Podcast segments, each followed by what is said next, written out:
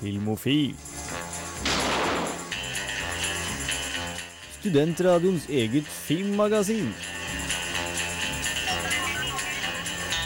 Lights ready, all set. Cameras.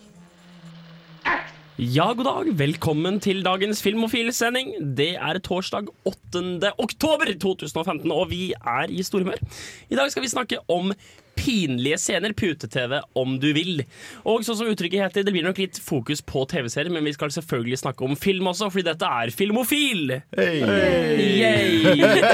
og mitt entusiastiske medpanel i dag er Frida. Vent! Å ja, som alltid, så skal jeg ikke skru på Fridas mikrofon nå.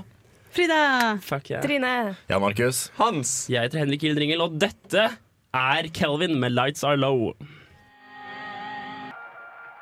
Og siden sist, på Filmofil, så har vi eh, både sett og hørt ting. Har noen lyst til å begynne? Ja, jeg kan jo kaste meg på den. Jeg har sett litt på Slik det gjerne går i Filmofil. eh, en, Film? se en serie som Ja. andre har anbefalt. Jeg har begynt å se på Narcos. Narcos, og det har vi til og med anbefalt som filmofil. Ja, og det er, eh, Nå har jeg sett på det selv, og jeg kan si at det er absolutt verdt en smakebit. Du kommenterte jo selv at det er overraskende mange sexscener i episode to. Ja, episode to var det fem sexscener. Eller eh, fem hvor du ser alle menneskene, og så er det eh, ja, fem og en halv, da, for du har en liksom, hvor du ser en fyr som står og dunker løs og stønner. det er mye implisert sexscener. Ja, er og, og fem helt markante i løpet av 20 minutter. Men det interessante var, ja, for jeg, tenkte, jeg, hadde, jeg så jo det her i forberedelse til sendingen, og fordi jeg hadde lyst. Um, og jeg tenkte at jeg kan ikke huske alle de sexscenene. Og så gikk jeg tilbake og fa- fant dem. Og du har helt rett, det er fryktelig mye Det er utelukkende sexplot-drevet. Ja. Men det er en greie i den TV-serien at det er, det er sexplot. Det er, det er plottsex. Det er, det, er, det er sex som driver plottet videre. Du? Det er in karakterer introduseres Ja, nå- med sexscener. Nå er den okay. ene sex... Hun dama ble introdusert med de to sexscenene. Ja, men den, det er også en sexscene hvor han politimannen puler kona si, og så skytes ut på vinduet. De kunne like godt ligget og sovet. det, det, det gir ingenting. Serien det eneste som er greit, er de ligger og puler. Okay.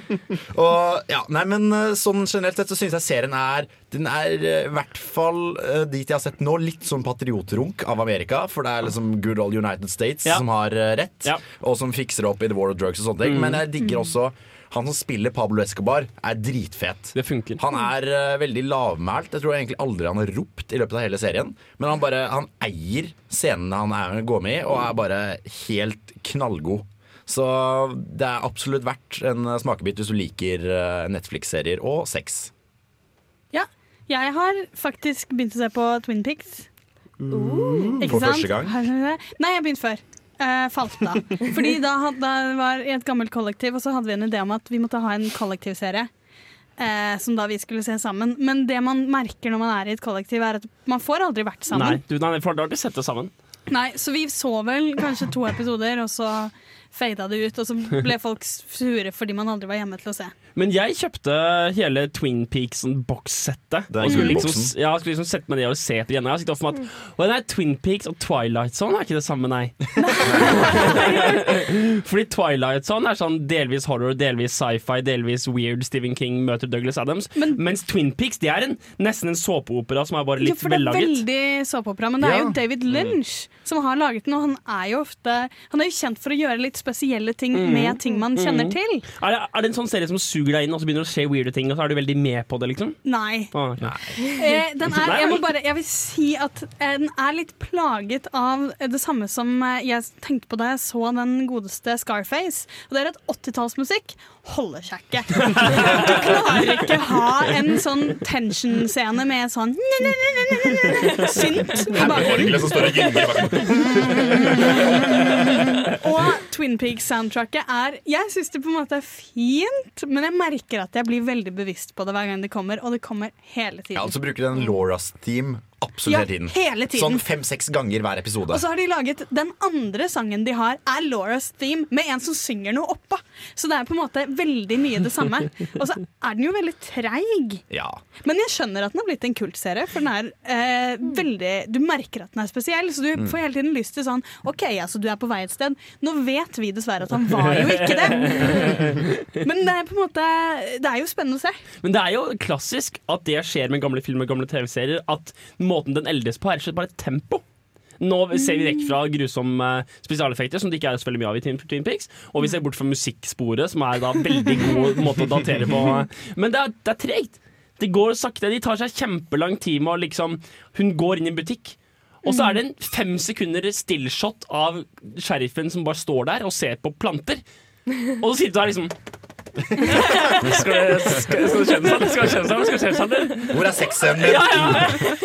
Bare for en sånn veldig stor kontrast. Jeg driver og følger med på de nye TV- TV-seriene som har kommet ut i Amerika. eh, Type The Grinder og, eh, og disse nye morsomme The Gra Grandfather og Limitless og disse greiene her. Og der er jo Det er stikk motsatt. Det må skje noe hele tiden. Og det er sånn, Hvis TV-serien ikke er bra, så er det veldig slitsomt. Men altså, du ser jo du ser jo ofte tendenser i gammel film til at de tar seg bedre tid til ting enn de gjør nå. For eksempel, jeg husker jeg så en sånn um, en sånn westernfilm. Jeg lurer på om det var Once Upon a Time in the West. Mm, mm. Å, herregud! Og for, for, for a few dollars more og fist for a dollar. Jo, jo, men- men- de går jo! Men det er en sånn scene der som varer i jeg tror det er halvannet til to minutter. Mm. Hvor hele scenen er en fyr som ligger og chiller og prøver å blåse vekk en flue som setter seg på trynet hans. Ok, Nå skal jeg gå litt sånn filmskoleskit. Uh, Det, yes! det, det var liksom meninga på den tida. Hvis det, det, jeg tror det er inspirert av italiensk et eller annet, der du skal, du skal liksom vise dagliglivet som det er. Altså kun som en refleksjon av livet-type Ja. En tilnærming. slags sosialrealisme. Ja, når, når vi hadde om det, så så vi liksom i en scene av ei Berthe som satt og lagde kaffe. Og Og det, det- var, det det, var var, det det var en liksom- liten del av filmen som egentlig ikke har no, noe å si for hele filmen. Hun var bare en liten rolle, men de viser liksom hvordan hverdagslivet er. Ja. Og hva er formålet med det? Har vi noen idé? Sikkert for å leve seg inn i situasjonen, da. Jo, men det er jo også sånn For eksempel, tilbake til Twin Pics, så er den jo litt spesiell fordi den handler jo Den starter jo med et mord. Mm. Bare for å spoile den. spoile de første fem minuttene av en TV-serie. Ja. eh, og han bruker utrolig mye tid på at man skal måtte sitte og se på moren som sørger. Og hun spiller veldig spesielt. For hun, hun er ikke trist, hun er bare knust. Krakilsk. Ja, hun, og så klarer hun ikke puste, og du bruker så mye tid på å se på henne, så du blir sånn helt, Andpusten sånn helt selv. Ja, det blir helt åndeløst. Du blir bare Og det er et eller annet med at du tvinger deg til å se på noe på en annen måte i stedet for sånn ah, vi skal følge etter morderen. For det er ikke sånn et mord føles noe jeg vet mye om. Men jeg prøver å reflektere litt rundt dette her, og det kan jo være en faktor at nå er alt ekstremt tilgjengelig. Før så var det sånn at du satte deg ned, altså nå går den serien, og nå ser vi på den fra åtte til ni. Mens nå er det sånn OK, det her var ikke gøy i ti, etter ti minutter. Da skrur vi av, så bytter vi Ja. med annet på Netflix. Ja, det er, det, det, er, det er veldig sant. Og sånn er det også jeg ser på disse pilotene. Sånn. Det var en eller annen ny, ny TV ja, Scream Girls eller et eller annet sånt nå. Å, Scream. Queens. Scream Queens. Jeg så to, to episoder og så var det sånn Nei, nei, greit. Nei, nei, nei. nei, nei. Men man, det er jo litt Vent litt. Ja, men det er jo litt morsomt at man er på vei tilbake til det også. Downton Abbey er vel kjent nettopp fordi de har sakka ned skikkelig. Og så har folk vi NRKs sakte-TV. Ja, Det er jo litt annet igjen. Men ja. Vi skal ta og høre Death by Unga Bunga med Tell Me Why. Og det er andre også i studio som har eh, gjort ting siden sist, eh, Trine. Ja, jeg har, eh, jeg har vært og sett The Martian to ganger på kino. Ja, Hvorfor, hvorfor to? Tilfeldig eller bevisst? Nei, men ja, det var bevisst. Jeg hadde veldig lyst til å se den igjen. Og det var en kompis av meg som ikke hadde sett den, så det var bare sånn Skal vi være? Skal vi være? Skal vi være? Ja, det gjør vi. uh, og så har jeg sett en del, del TV-serier som jeg ser på har kommet tilbake. Ja! Så jeg har sett første episoden av Flash, Arrow og Supernatural. Flash er sesong tre. Flash, eh, Nei, Flash Flash er to, så- jo. Arrow er- Arrow er tre. Fire. Fire?! Ja. Jeg slutta å se til sesong én. Supernatural er på sesong 11. Det, det Og vi. Og like bra.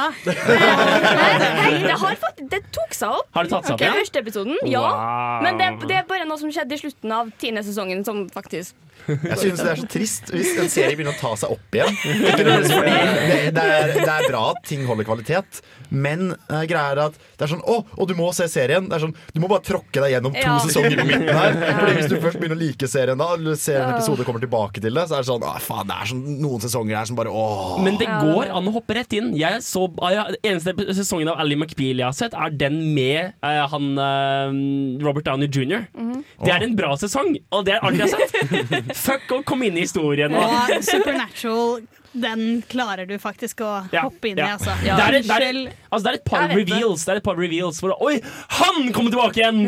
Har ikke like stor effekt hvis du ikke har sett serien på forhånd. Nei, det er Nei. Men jeg har, liksom, jeg har liksom sett det gjennom ti sesonger, så det er bare sånn Jeg må fortsette å Ja, se på, for jeg har brukt så mye tid av livet mitt til å se på Det det er litt sånn ekteskap. Sånn her, ja, OK, vi, holder sammen for ungene. Uh, ja, det er, det, er, det, det er litt sånn Du går på rutine. Ja. Jeg har sett masse siden sist. Så bra! Ja. Em, For det første, det har vært sesongavslutning på uh, Rick and Morty i sesong to. Det gikk fort. Det var trist. Å, det var trist. Det gikk fort. Ja, Altfor fort. det har vært Har de gjeldt i- sånn to om dagen eller noe? Nei, en i uken. Det er ti, ti episoder, så to og en halv måned. Å herregud, det har gått så lang tid. Der er Um, høst! Men jævlig bra episode. Jævla kjipt til slutt. Cliffhanger ut av helvete. Um, og så da De sier sjøl i siste episoden at uh, det kommer til å gå halvannet år minst før neste sesong kommer. Så yay. Um, jeg har sett Interstellar på nytt. Endret mening. Har den blitt dårligere? Bedre. Nei! Jo! Um, fordi det jeg kom til å tenke på, var jeg, jeg, jeg, tror, jeg tror jeg har skjønt noe som jeg muligens ikke skjønte første gangen. Fordi mye av problemet var jo denne helvete sånn derre Love and gravity are the only two things that transcend Ja. time and space Bullshit det der. Men jeg tror jeg skjønte noe som jeg ikke vet om er intensjonelt, eller bare jeg som prosjesserer en teori over filmen. Men denne gangen slo det meg at hva hvis det de mener, er at det vi opplever som kjærlighet, er at vi opplever aspekter av en annen dimensjon. Eller av en annen kraft som vi ikke kan oppleve direkte fordi at vi er tredimensjonale vesener. At kjærlighetstiltrekning er en slags form for tynnekraft? Nettopp. Altså det du for, for det er jo hele argumentet til hennes karakter i filmen. Det der med at du kan elske folk som er døde, du kan elske folk som er 100 000 lysår unna deg. Um, og kanskje teorien filmen prøver å liksom halvveis uh, ymte frampå, er at grunnen til at kjærlighetsfølelsen er der, er at i en av dimensjonene er de nærmere hverandre, på en måte.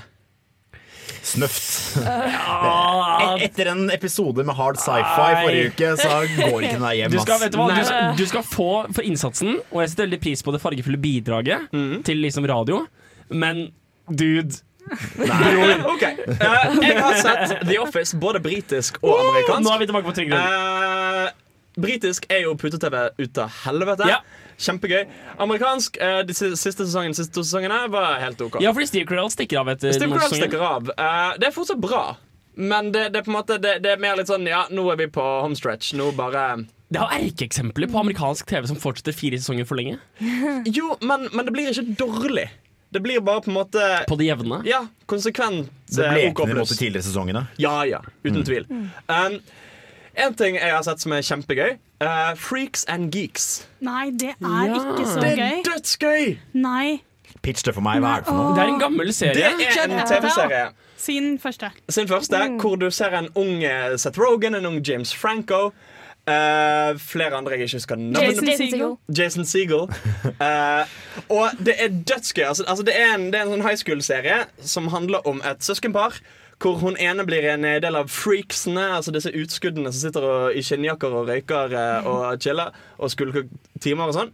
Og eh, han broren, som da er en av geeksene, eh, som prøver å hooke jenter selv om de er helt sosialt eh, inepte. Så dette er da high school-serie? Og du Altså, liker det? Det er vel, ja, men poenget er at det er vel, det er vel ganske nærme 'Ten Things I Hate About You. Nei. Ja, men jo, i sosialstrukturtilnærmingen av filmen. Jo, men okay. Det jeg syns er interessant med det, er at det er Det har ikke helt den der prekestemningen som en gjerne hadde en tendens til å ha før i tiden. For det er litt sånn, altså det nevnes for eksempel at sånn Kanskje du skal være forsiktig med hvem du ligger med, og sånne ting. Men det blir aldri helt sånn der prekende sånn uh, Hold deg unna sex, hold deg unna dop, hold deg unna Ja, altså, That 70 Show og Malcolm in the Middle og sånne ting er litt mer tydelige på, Ja. på det. Og så har du um, Så er det det at de er, de er flinke til å være subtile med ting som ofte blir veldig eksplisitt i moderne ting. Og det er derfor jeg syns det var kjedelig. Jeg har ikke orket å se mer enn en halv sesong. Nei, men altså, altså For eksempel, du har det med at hun eh, en av hovedpersonene da blir sammen med en av disse freaksene. Mm. Det er sånn det begynner egentlig Hun vil egentlig ikke være en del av klubben, hun bare blir sammen med han. Og så blir Hun hun trukket til. nei, hun blir sammen med en annen fyr. Oh, ja, okay. uh, Og så syns hun James Franco er veldig kjekk, så det er derfor Ja. hun blir med gjengen. Ah, okay. Og så hun blir sammen med. Jason Segel. Ja. Stemmer, ja. uh, poenget er at det altså, altså det blir, hun blir litt sånn Oi, der var jeg i et forhold plutselig. Mm. Men det blir aldri Det blir antydet til at Oi, kanskje dette ikke er superbra.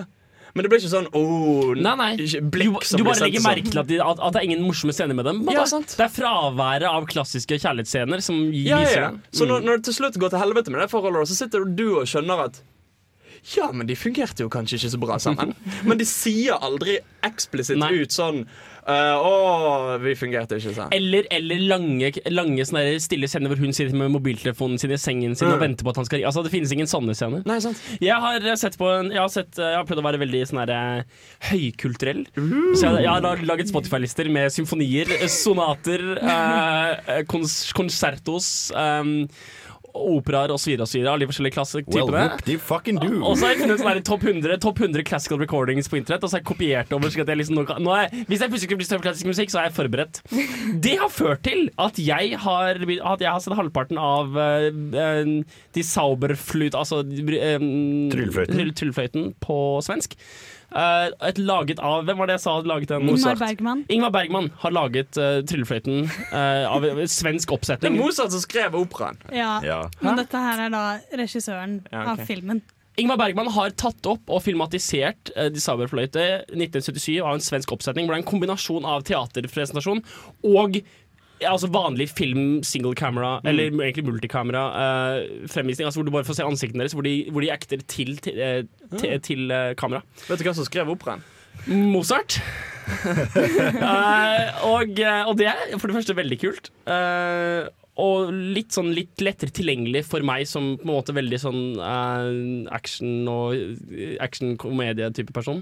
Det er jo gøy da at det er Tryllefløyten, for den ble jo skrevet nettopp for å være tilgjengelig til de store masser. Ja, ikke sant? Og jeg er definitivt en, en, en, en stor masse. Uh, jeg har også sett en TV-serie som heter Dinner, Dinner for Five, som er John Farrow på liksom 90-tallet, som, satte- som liksom inviterte kompiser og venninner og venner og bekjente fra industrien til å sitte rundt et middagsbord i noen timer. Og så er det masse filmkameraer, og så bare snakker de. Ja, de spiller ikke, de er seg selv. Ja, ja, så det er liksom ja, det er, det er en, en episode med Will Ferrell, Louis CK, Eddie Izzard, John Farrow og en person til, som bare sitter rundt bordet og preiker skit om deres personlige erfaring med Er de industrien. og veldig morsomme? ja, det er Mye av det er dritfett, og mye av det er sånn skikkelig edgy. Sånn der, eh, fem karer som bare sitter og kjefter på hverandre i en halvtime. Altså, det er veldig mye spesielt og kult. Blant annet en dame som jeg skal si det til slutt Som kommenterer på at hun hadde sett en eller annen eh, dubbing. En eller annen spansk film dubbet. Dubbet. Dubbet. Dubbet. Og, eh,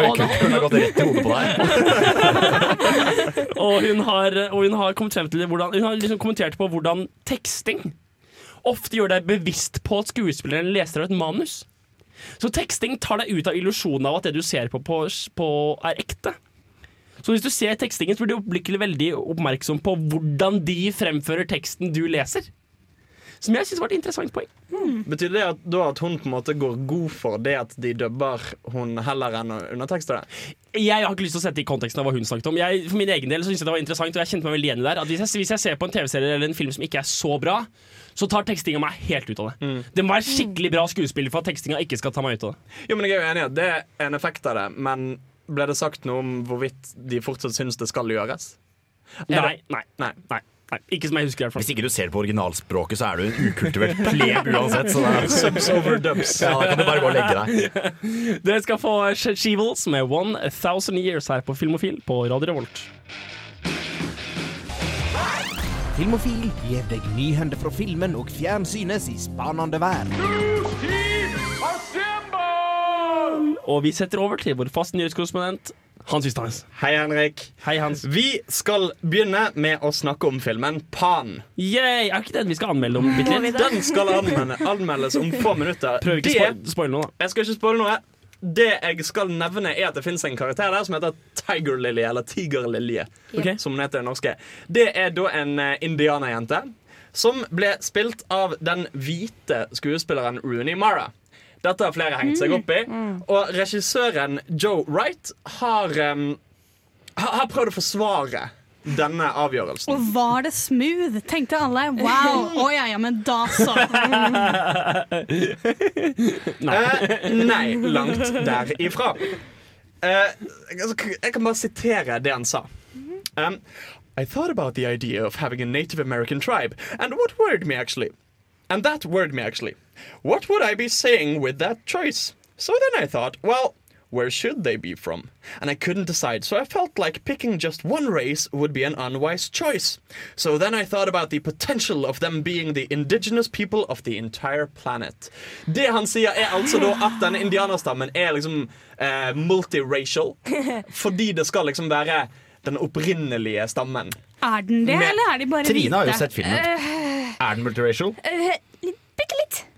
Det det ikke forsvarer, er jo det at hun, Rooney Mara, den ene indianerstamme-hovedpersonen i filmen, er hvit. I likhet med alle de andre karakterene. Og dette er en del av en trend i Hollywood hvor etniske roller blir castet til hvite skuespillere. De har jo snakket om at James Bond skulle bli sort. Jeg forstår ikke hva de klager over. Men, men høvdingen, han er ikke hvit, iallfall. Ja, nettopp. Men, men er han bare ikke? Det det virker som om han Joe Wright tror er tilfellet, da, er at hvis han hadde bare funnet en gjeng med faktiske indianere og eh, lagd eh, Og lagd til å spille den indianerstemmen, så ville folk hengt seg opp i med eh, hvor er alle de svarte og hvite og de andre menneskene som finnes på planeten? For det er en kritikk som ville kommet Ja, som et resultat av den avgjørelsen. Så han, han, har- er det han eller du som går nå bare ut og sier Vet du hva, dere klager uansett. Fuck all you haters. Det er han som sier. Ah, ja. Kan jeg bare få lov til å foreslå at han hadde nok ikke tenkt på det før castingen. Jo, men altså, og han kommer med det etterpå og er litt sånn Å ja, fader, rasisme fins. Vent, da. Men jeg prøvde egentlig å være ikke-rasist. Det er dere som er rasister her. Har han ikke sett Crash? Og det er jo dessuten jeg, jeg, det jeg tar ikke vitsen. Men det er jo dessuten, altså, for, du ser det jo ofte i tegneserier, det at du på en måte Altså etnisk deler opp folk i hvite og ikke-hvite. Som for eksempel i Game of Thrones så har du The Dothraki. Disse steppemenneskene som lever i The uh, Dothraki Sea. Uh, borte Steppene. Eh, og, og der er jo greien at de har liksom ikke en klar etnisitet. Det er noen eh, arabere, det er noen svarte. Det er litt sånn bla blanda drops. Men selvfølgelig, de som er hvite, er jo bare hvite. Så, så det, en, en deler det litt på en sånn kjip måte, da. Hvor en tenker at 'å, han ser etnisk ut'. Han er, han er vår uh, villmann. Jeg tenker at Taylor Swift-forsvaret med 'Haters Gonna Hate' funker helt fint dette, i, denne, i, denne, i denne eksempelet her. Vi skal ta, og ta en ny nyhet. Skal vi det? Skal vi det? Ja, det skal vi. Det er snart streik i USA. Yay! Ikke umiddelbart, Åh. men det som har skjedd, er at eh, den delen av skuespillerfagforeningen i USA som omhandler eh, voice actors i dataspill, har blitt autorisert til å kunne streike av eh, paraplyfagforeningsorganisasjonen. Og de kaster seg rett på. Ikke umiddelbart, men det er god grunn til å tro at det kan komme. Er ikke streik på en måte noe man skal få gjøre uten autorisasjon? Er Altså- ikke altså, det det er litt ikke- poenget Det er, med ikke, streik? auto- det er ikke autorisasjon fra arbeidsgiveren, det er autorisasjon fra paraplyorganisafagforeningen. OK, OK. Ja. Um, men poenget er at um, folk som eh, er altså stemmeskuespillere i dataspill, har ikke spesielt mye bra rettigheter uh, nå for tiden. Um, så, så de har rett og slett sagt Nå vil vi forhandle fram noe bedre, fordi dette gidder de ikke. Det som for er Problemet er at i motsetning til mange skuespillere, en kan glemme royalties hvis en spiller en stemme til dataspill. Um, mange, mange stemmeskuespillere blir bedt om å for gjøre motion capture og en del ting som de overhodet ikke har skillsettet som behøves til. eh, fordi de tidligere kun har eh, spilt inn stemme, og nå plutselig skal spille skue. Nice. Eh, så det er mye som tyder på at de kan bruke dette og faktisk gå til streik. Og dette vil da ramme en del. Det vil spesielt ramme, skal vi se her, Electronic Arts, Activision, Disney, Warner Bros. Og eh, et par andre større da utgivere. Det høres ikke Yeah. ut som selskaper som noen gang ville prøvd å utnytte noen som helst. i det hele tatt.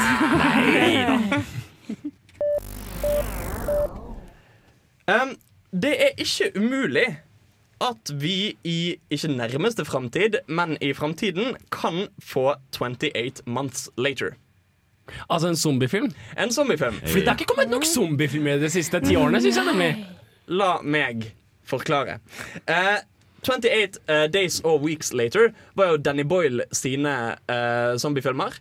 Skrevet av ingen ringere enn Alex Garland, som òg skrev og regisserte Jan, Alle ser på deg. Ja. Machina. Ja, nettopp. Stemmer. Og, Og, Ja, og han, han skrev Mm. The Beach og er rett og slett en forbanna flink fyr. Ja, og de var jo også litt tidlige i zombiebølgen. Ikke sant? Til og med trendsettere, om du vil. Ja, for 28 Days Later var vel en av de som på en måte snudde det. Som var Mm. sånn Å ja, men zombier er faktisk kult. Ja. Men jeg, jeg, jeg tror ikke at liksom to år og fire måneder er lenge nok å vente til det er greit å lage en zombiefilm igjen. Altså 28 måneder. Jeg beklager. Nei, eh, det som er tingen er at Danny Boyle er keen på å gjøre det. Men det han sier er at jeg gjør det ikke mindre jeg får et kult manus. Eh, så Alex Garland sier «Hm, kanskje jeg skal skrive et kult manus til den. Så sier Danny Boyle ja, men du må gjøre meg ferdig med Steve Jobs-filmen. Eh, den er ferdig nå. Den er ferdig nå. Eh, Så det kan tyde på at ting kan bli. Men så sier òg eh, Danny Boyle først så har jeg lyst til å lage Trainspotting 2. Ja! Har det han sagt det? Har han betyr ikke? ikke at Trainspotting 2 vil skje. Det betyr bare at hvis jeg skal begynne på noe litt sånn tilbake til ting jeg har gjort før, så har Trainspotting presedens over 28 Days or Weeks og de filmene der. Så i denne nyhetsbiten her så utelukker du verken 28 måneder senere eller Trainspotting. Du skal ikke se vekk ifra at det kan skje. Mm, mm, mm, mm, mm. Siste nyhet. Siste nyhet. Oi, oi, oi. Nå må du, nå må du prioritere. Jeg kan i mellomtiden si at Aaron Sorkin var på, var på The Daily. Show. Nok om Aaron Med, Sorkin. med, med Trevor Noah og sa at alle som hater på den nye Steve Jobs-filmen, er folk som ikke har sett den nye Steve Jobs-filmen. Så haters gonna hate. Jeg kan også melde om at The Martian, som jeg likte veldig godt, og Trine, som har sett den tydeligvis to ganger, også åpenbart likte godt, har tjent sånn drittmye penger. 100 millioner worldwide i første helga. Første helgen. Det er 100 ganske. Imponerende. Vi har snakket om Vent, vent litt. Vent litt. okay. Vi har tidligere snakket om Daniel Craig og James Bonds framtid. Ja! Ja. Først sa vi at det ikke kom til å bli James Bond. Og så sa vi at det kom til å bli James Bond. Ja! Nei, James Bond, eh, sier jeg. Daniel Craig. Ja, ja, det var det jeg mente. Ja, jeg òg. nå kan det se ut som det ikke blir Daniel Craig. Jo, men vet du hva? Dette er bare en ny måte å skape litt en eh, stemning rundt. Han liker bare å liksom lure litt bortpå. Ja, ja, ja. Fy fader. Poenget er at i et intervju så har han sagt at faen i helvete, jeg er lei James Bond. Uh, og Det er lov, det er lov. det er lov, det er lov. Men jeg tenker at dette, dette er sånn de lager eh, litt medieoppstyr rundt filmen før. Spekter kommer ut. Og vi går rett på. Og han, Vi- ja, han kommer ikke til å være like altså, han, han er jo ikke egentlig et sexsymbol. Det er jo bare det at han reiste reiser seg litt eh, sakte opp fra sjøen. I, Hvem hadde ikke lyst til å ha seg med Daniel Craig i uh, mann, Menn som hater kvinner, uh, eller den Spilte han i Sti- Menn som Stig? Larsson-filmen som er laget av David Girl with Fincher. Dragon Tattoo. Girl with Dragon Tattoo, David Fincher-filmen. han. Han var heit der. Var han det? Nei, det var ment som en spøk. Men i layer, i, i layer cake I layer cake var han heit. Oh, ja. Har vi tid til en rask ting til? Ja! Eh, Disney har sluppet en stor liste med oppkommende slippdatoer for filmer. Oi. Hva er greia med det? Marvel slipper ut eh, tiårsplanen sin. Pixar slipper ut tiårsplanen. Hva er greia med å slippe ut Alt eies tiårs... av Disney Begge to er. Disney. Å, ja. Eh, så Disney har annet annonsert at Incredibles 2 kommer i 2019. Yay. Cars 3 kommer i 2017. Eh, Uh, Toy Story 4 er flyttet fra 2017 til 2018. Hvorfor trenger vi den? Ja, vi trenger Du, den. men de, Toy Story kan man nesten bare være De får lov. Der kan man få lov til å ha litt tro på dem. For de Mm. naila toeren, og så naila de treeren. Kom igjen, da. Ant-Man hva treeren er for noe. Ant-Man 2 kommer i 2018. Hvem bryr seg? Woohoo! Black Panther er framskyndet til eh, midt på sommeren 2018. Eh, Captain Marvel har blitt framskyndet til eh, mars 2018. Og så er det en del annonseringer som kun er Untitled Disney Fairytale. Uh, så på en måte de har ikke Ja, men vi vet De at det kommer til å komme. strengt seg for å gi ny informasjon, men Og så er, kommer det noe! Det kommer noe mer. det, blir, det blir film. Ja, det, det, det blir film. Og det blir også mer prat her på Filmofil. Dere får Beglo meg med Søvnløse netter først, før vi snakker, snakke om Pan. Pan. Pan. Pan. Pan. Beglo meg bruker sykt lang tid på å komme i gang. Åh, jo, jo, apropos, eh, dere må like Facebook, eh, Filmofil på Facebook. Yes. Yes. Mm. Yeah. Du har vært og sett Pan, Trine. Ja, gjenfortelling av Peter Pan. Yay. Yay. Hvilken entusiasme er det her? Er det, kommer, det, kommer det entusiasmen til å, være, til å være reflektert i anmeldelsen? ja. Ja, men da setter vi på gang, gjør vi ikke det? Woo! I'm going to tell you a story about a boy who would never grow up. About the pirate who wished to catch him.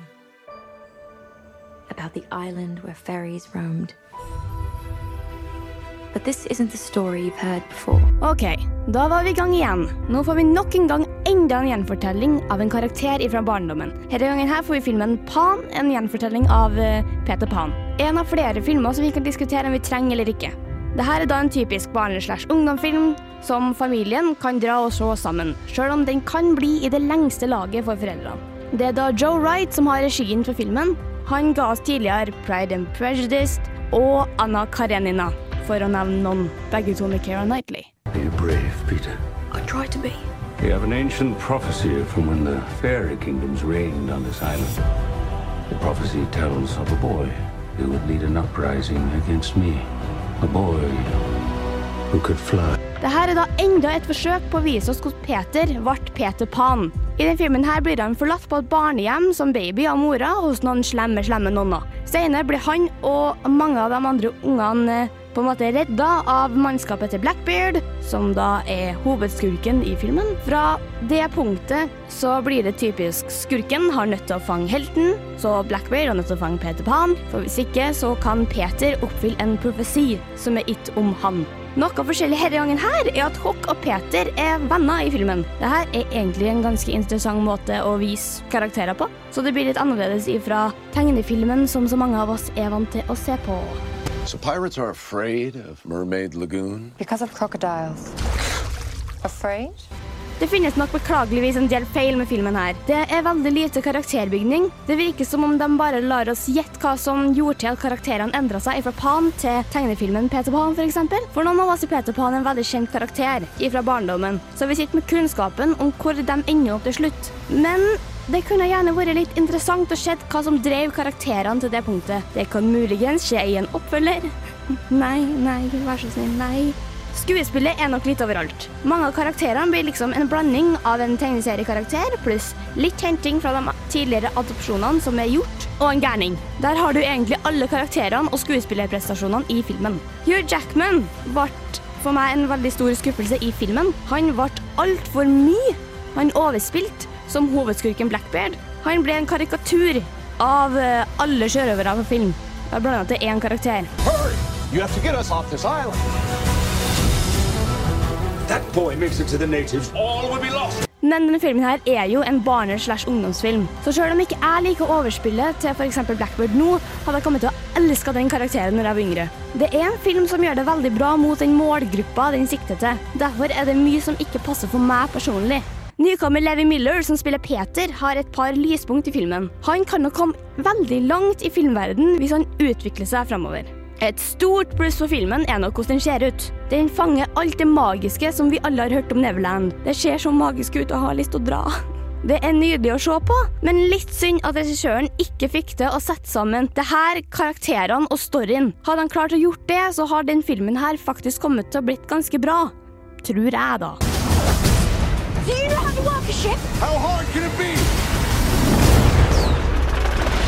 It's a lot harder than it looks! Pan er nok kun en god barnefilm. Den kommer nok ikke til å gå godt overens hos voksne. Unger derimot kommer til å storkose seg i Neverland sammen med Peter og Hook, enten i 3D eller i 2D i kinosalen, eller kjøpt som DVD og Blu-ray hjem. Jeg syns jo det er interessant. Um, altså det at For, for du, du, sa, du sier jo det i anmeldelsen at det ikke er så Det ikke er så mye karakterutvikling, og på en måte Du ser ikke så mye av overgangen fra den Nei. status quoen her Ja. til det som er i den Petter Pan vi alle kjenner fra før. Ja. Um, jeg syns jo det er en litt interessant måte å gjøre det på. Rett og slett fordi altså, Du har for skrekkeksempler som uh, Star Wars-prequelsene. Hvor de desperat skal forklare hvordan alt, absolutt alt, ble som Ja. det var eh, i Star Wars, eh, de gamle filmene. Så jeg syns det er interessant at de lager en prequel-film, og så på en måte ikke gir alle de svarene. At du på en måte heller kan sitte en å ja, så Peter Pan og Dr. Kro eh, Krok var venner til å begynne med. Dr. Krok. Ja, men, men, men alle karakterene er det samme fra starten av filmen til slutten av filmen. Mm. Det er så jævlig irriterende. Jeg har lyst til å si at det skal, det skal gå litt. Men det er jo på en måte det dumme med å altså det, Eller det fine for dem da er jo at de er ikke på vei et sted vi vet hvor er. Eller nå tror man jo at de er på vei det stedet. da. Så Mm. Hvis man bryter opp vanen med Star Wars, at, du, at vi skal til der Mm. neste film du har sett, begynner. Da har de jo på en måte problemet med karakterutviklingen, at de bare skal et sted du vet. Mm. Yeah. Så det blir ikke liksom sånn trist når eh, Anakin begynner å bli ond, fordi du visste hele tiden at det var en ond Mm. jævel.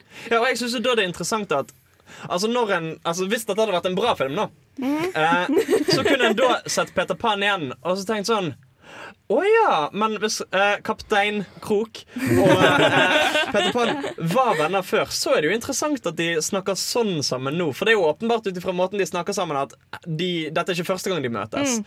Og, og, og da kan du på en måte sette sammen litt sånn tråd sjøl og tenke sjøl ut hva kan ha skjedd i Men mellomtiden. de, de tok og spinna til at det skal komme flere filmer på slutten av filmen, for det var så mye cringe-worthy linjer der at det Mm. Øh. Det er en interessant ting i den veldig veldig korte listen av ting X-Men gjør bra. Og det er jo at de er litt flinke på det med at prequelsene faktisk bygger sånn noenlunde opp til Ja. hva som skjer i Mm. originalfilmene. Det er sant. Yes. Vi skal, vi skal ta og høre Disclosure med Hourglass, og vi har 22 sekunder introtid. Ikke, ikke, nei, ikke at man skal snakke om sånt på radio, selvfølgelig. det skulle tatt seg ut. Du fremmedgjør lytteren, Henrik. Siste ti sekunder om panen, Trine. Uh, Nei. Den er Den er fin å se på. Den er veldig fin å se på. Det er veldig magisk. Det er veldig mye space. Burde vi se den? Nei. Ta den, Sett den på DVD, sett den på DVD i sofaen i bakfylla. Gjør det. Og vi er kommet til ukas eh, tema, nemlig pute-TV. Og grunnen til, at, grunnen til at vi kan snakke om det, er ikke bare at det er kjempegøy, skråstrek grusomt som et tema, men også fordi ukas eh, premiere hadde litt av temaet på seg, nemlig Klovn Forever. Som er da oppfølgeren til Klovn the Movie. Ja. Yeah. Som, er oppfølgeren til en TV-serie som het Klovn. Klovn. Klovn. Ja. Altså, dette er da en eh, dansk eh, TV-serie som er altså litt som Hjerte til hjerte og Helt perfekt og alle de der, så er det kjendiser som spiller seg sjøl, som er kleine og dumme og teite. Ja. Ja. Skal vi høre på ting? Jeg tror kanskje vi skal det. Er vi frække ting, eller Jeg, jeg fikk en øh, kussetud så sent som i formiddag. En, en for? Kussetud. Tuden op i kussen på lige. Og det er tre. Tre indånding? Ja, så er du, så er du klar, mand. Så er dagen i gang. det er en kustud, det skal jeg ikke, mand. Godt.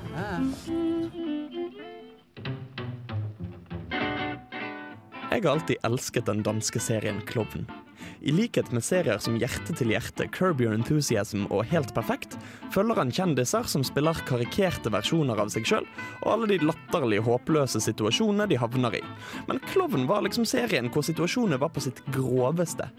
Han kunne ta den minste idiotiske handling til sin absolutt ytterste konsekvens, uten at det virket kunstig eller urettferdig.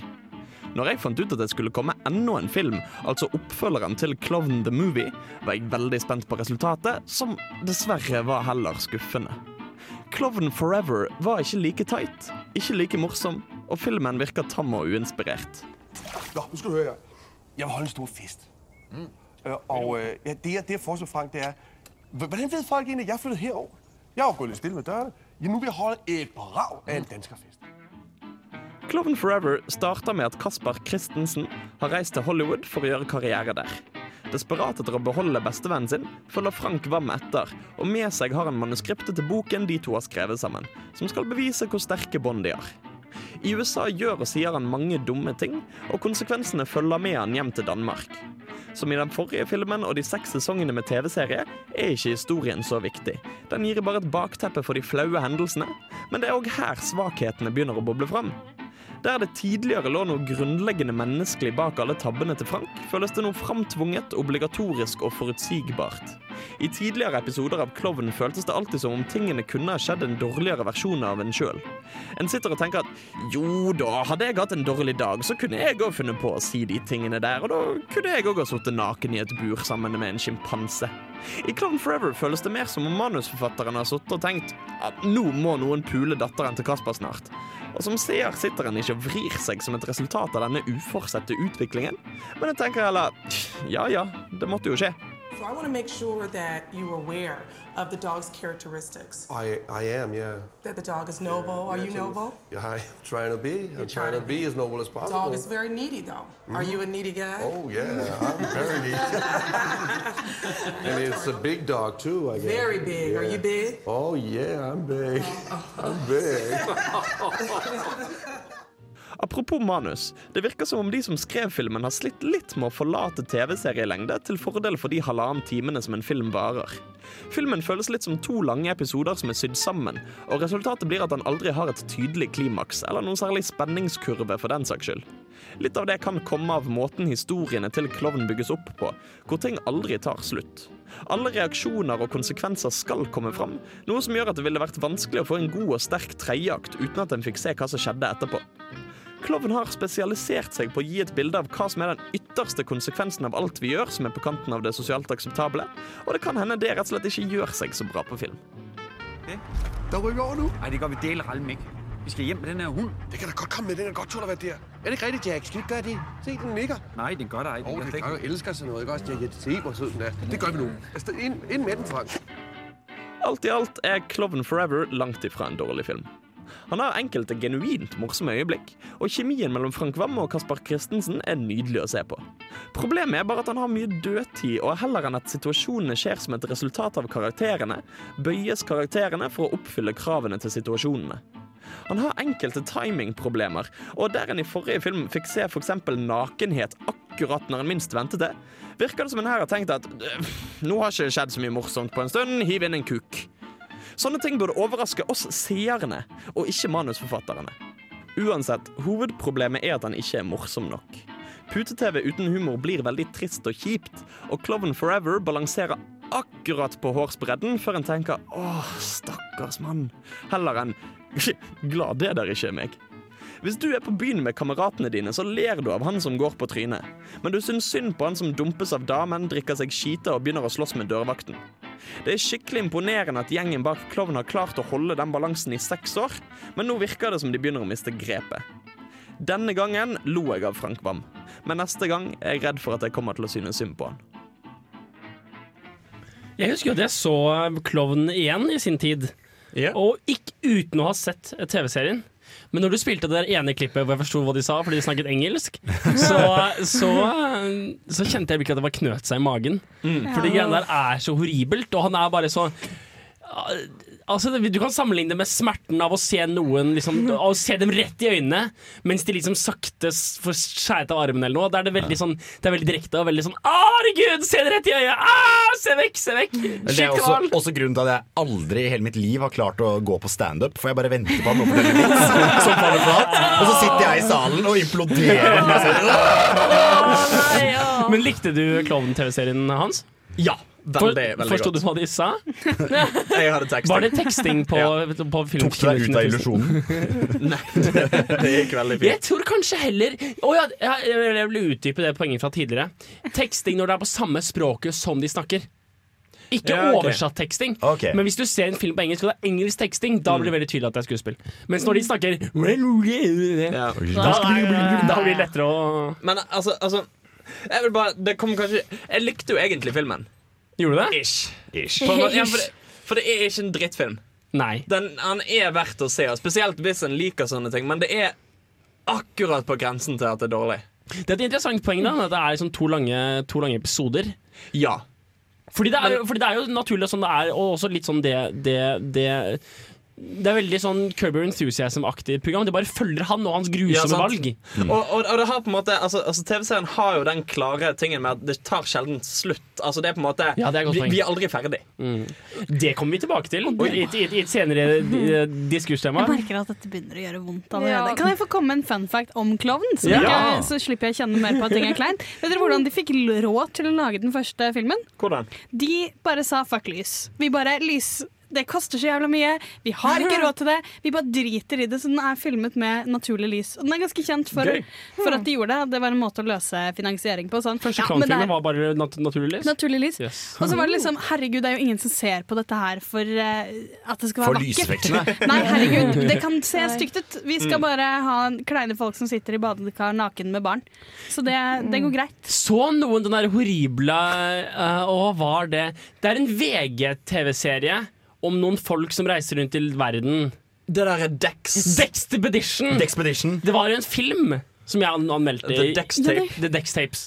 Og det er akkurat samme greia. Det er mye samme greia. Altså At de liksom drar til Amerika, kommer hjem, masse pinlige scener. Mm. Ganske grusomt. Det var det med naturlig lys som minnet på det. Fordi jeg vet ikke om den filmen faktisk har mye naturlig lys. Men det er veldig sånn følelse av liksom Oslo-lys, og den natta er veldig mørk. Og det er veldig mye sånn Veldig naturlig, og det de hjelper veldig på hvor ille det er å se på. For det Ja. føles helt ekte. Og og jeg tror det er på en måte litt poeng òg, Det at du skal kjenne deg sjøl igjen i det. Ja. Det at på en måte du skal tenke disse idiotiske tingene kunne jeg òg ha funnet på å gjort Ja. i liksom et ekstremt utgave av meg sjøl. Vet du hva? Vi skal komme ordentlig inn på, ordentlig inn på hva, hva pinlig flau pute-TV er for noe. Uh, mens vi samler kreftene, så skal vi ta og høre på Graveyard, eh, The Apple and The Tree.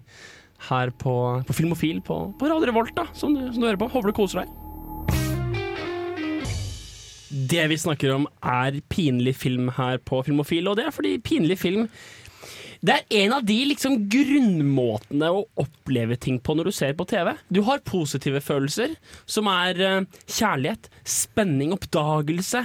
Uh, alle, alle disse positive tingene som, hvor filmen kan skape noe, enten gjennom eskapisme, altså at du lever deg inn i en annen verden, eller å vise deg din egen verden på en måte hvor du tenker hvor du får håp, eller hvor du får glede. Det, er, to grunnleggende følelser, glede og, og misnøye. Alt er enten bra eller dårlig, sånn basically. Og de måtene å skape negative ting på, er frykt, sånn som i horrorfilmer. Det er tap, sånn som i filmer der det er tap. Det er, det er, drama, hvor du, hvor, du, hvor du tenker at 'å nei, det er ikke galt på den måten', eller hvor du føler, hvor du føler tap, ikke nødvendigvis uh, materielt, men metafysisk på en eller annen måte.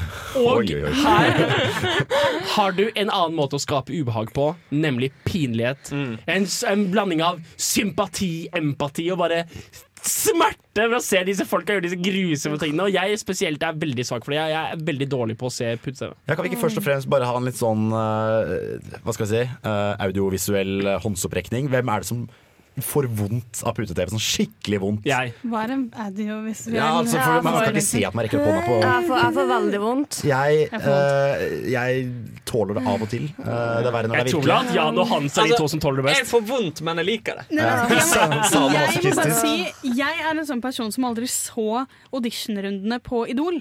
Fordi Jeg, jeg, jeg så bare auditionrundene våre. ja, liksom, det er det alle gjør. Folk driter seg ut. Men jeg får så vondt på vegne av de Ja. som står der og er sånn I'm gonna sing my soul song now. Og så er det ikke bra. Og da merker jeg at Jo, men jeg så, jeg så, de, jeg så de greiene bare fordi det var gøy å se på. Ikke, jeg, jeg spolte over de pinlige scenene. Jo, men det er jo Altså, du har jo sånn altså, Det er jo det at du får kjenne på det. I en ufarlig sammenheng. Nei. Al altså, altså, det, er så, det, er Det hjelper meg ikke. ja, men det er som en skrekkfilm. sant? Hvor du kan kjenne på hvordan det er å bli jaget av en morder. Uten at du faktisk blir jaget av en morder. Nei, men Du kan tør jo ikke å sove etterpå. Og på samme måte som høydeskrekk, hvor du går på en eller annen kjempehøy bro hvor det er gjennomsiktig gulv.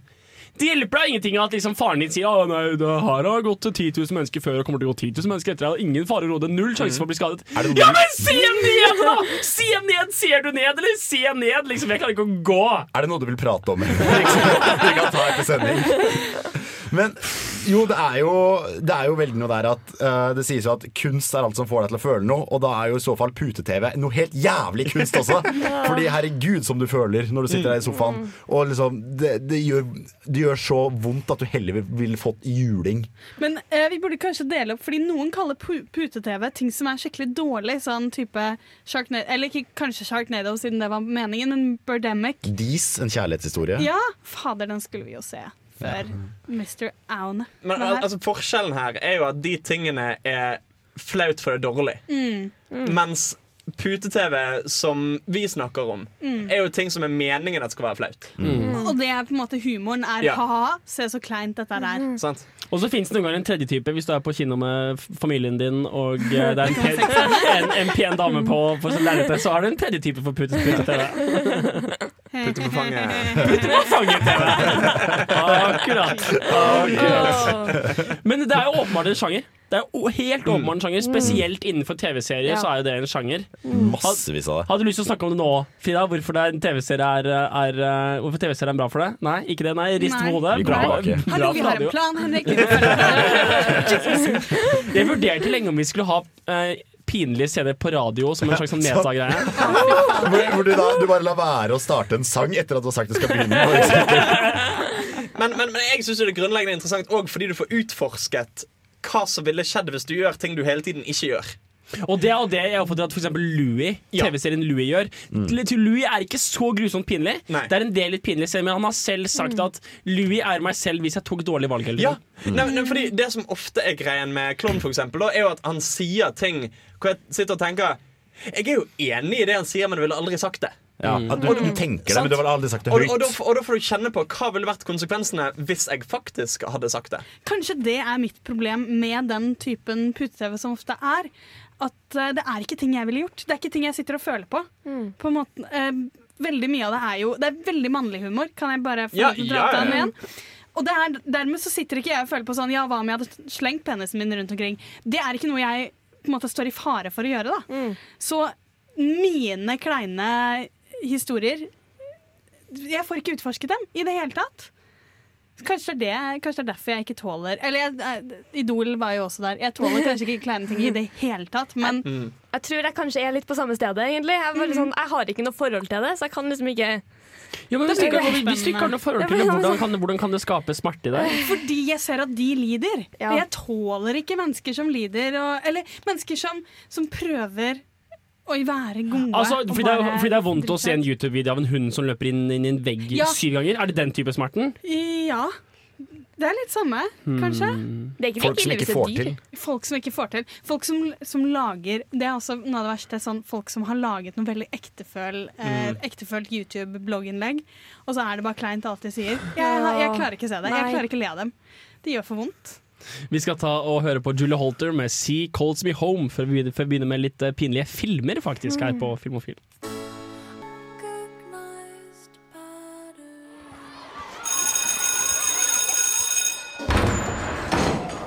There will be no foolish wand waving or silly incantations in this class. No, okay, that's it for the day then. Today, we have a similar debate over this. Anyone know what this is, class? Anyone? Anyone? Anyone seen this before? Ukens hjemmelekse. Jan Markus. Ja. Ukens hjemmelekse. Superbad. Superbad. Hvorfor er det ukens, ukens hjemmelekse? Er det, en- er det en pinlig film? Jeg vil si at det er uh, litt veldig Det kommer an på hvem du ser den med. Jeg har jo noen sånne flashback fra da vi så den uh, på sen ungdomsskole, da den nettopp hadde kommet ut på DVD. Så husker jeg jeg så den, jeg og noen kompiser hadde sett den før, var dritmorsom. Men den gangen her så så vi den da med tre uh, venninner som vi ikke var liksom så godt kjent med. Ennå. Ennå. Så eh, det var litt sånn Vi satt der og lo, og de satt der eh, litt sånn vidøyd og forskrekket og bare sånn Nei, men hva er det de sier? For de snakker jo, de snakker jo så mye om å pule. Og Ja. bare sånn I det øyeblikket jentene ser en annen vei, bare sånn She wants my dick in and around her mouth!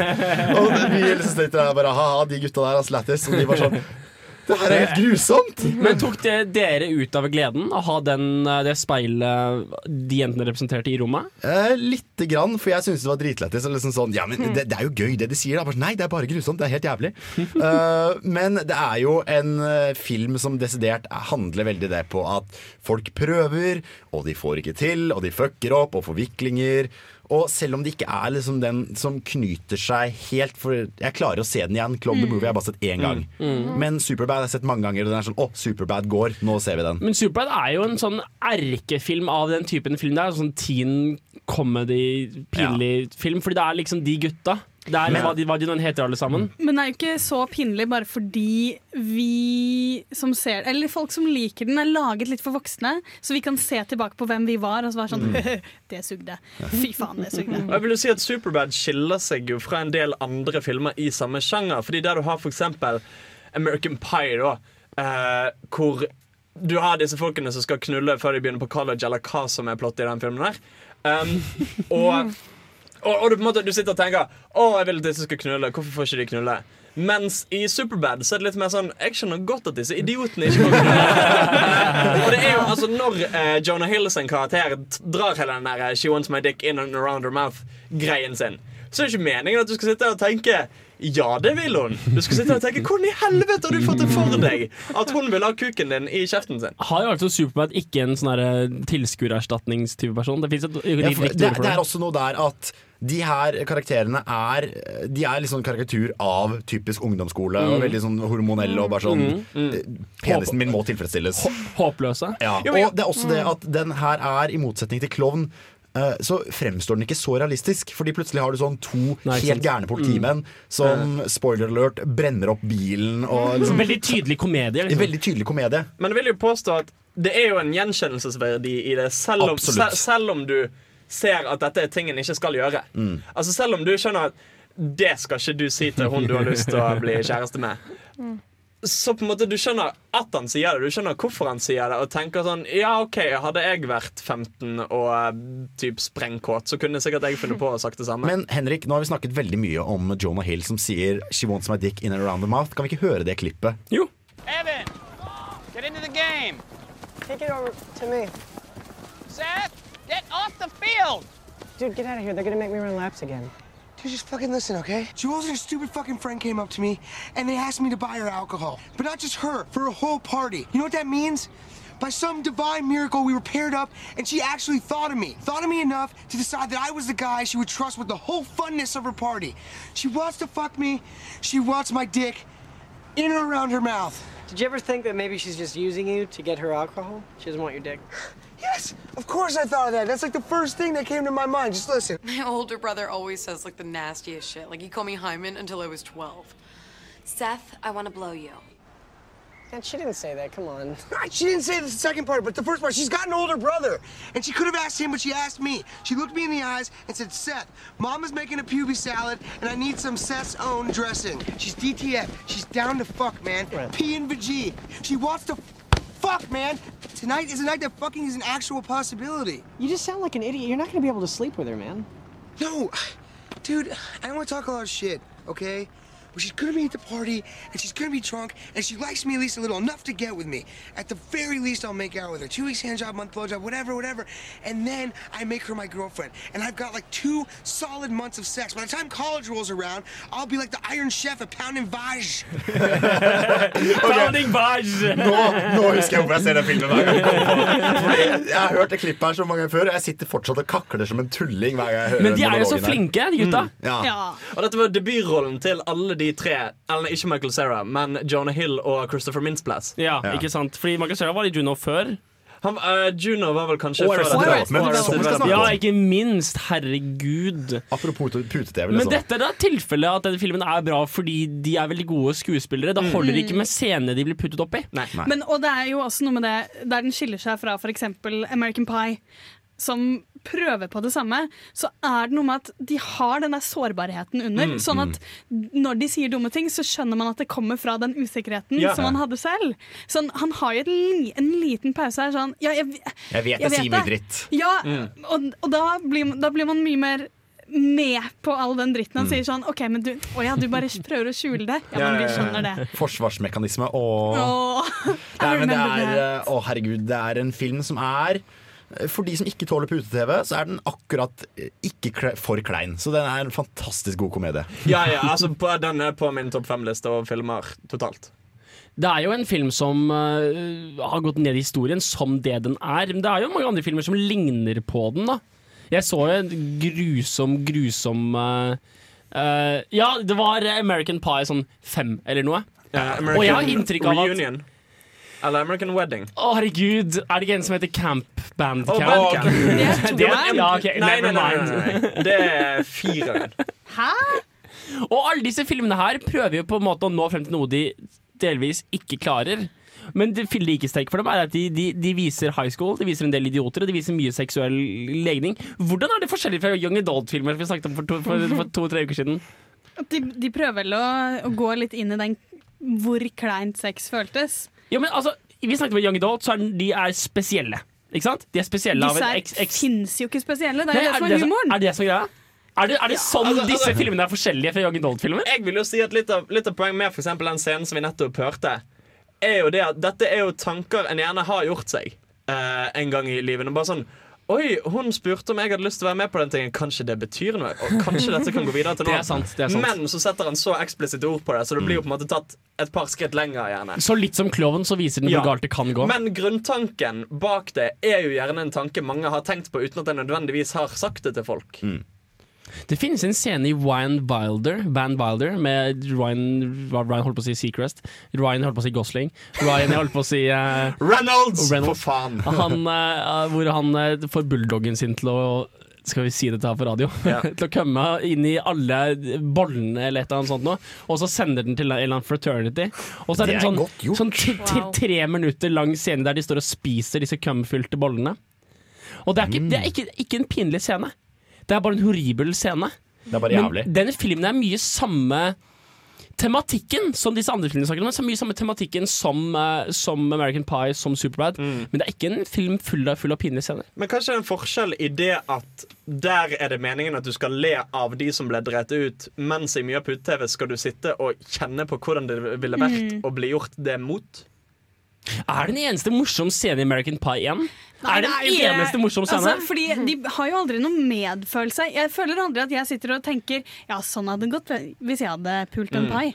Altså, man, man skal ikke ha medfølelse med hovedpersonen, du skal le av dem. Mens Superbad skal du sitte og kjenne på Å, det der var meg! Jeg hører at det der er noe jeg hadde gjort. Jeg kjenner meg eh, sånn tidlig, tidlig videregående, Markus. Er litt for lik Michael Cera. Er sånn, nei. Vi skal ta og gå litt, litt videre til eh, TV-serier, men først skal dere få høre Short Skirts med Hugs and Kisses her på Filmofil.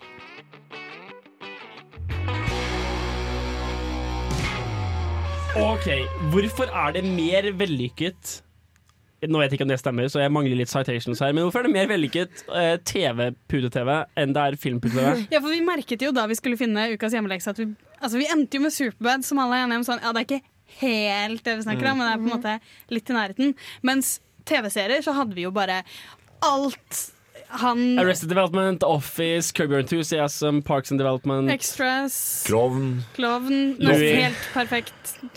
britisk office, alt mulig av han eh, godeste Ja. Altså 50, Gervais. Ja, altså er- 50% av revenue i amerikansk TV gjøres av sånne filmer. Liksom. Eh, sånne TV-serier.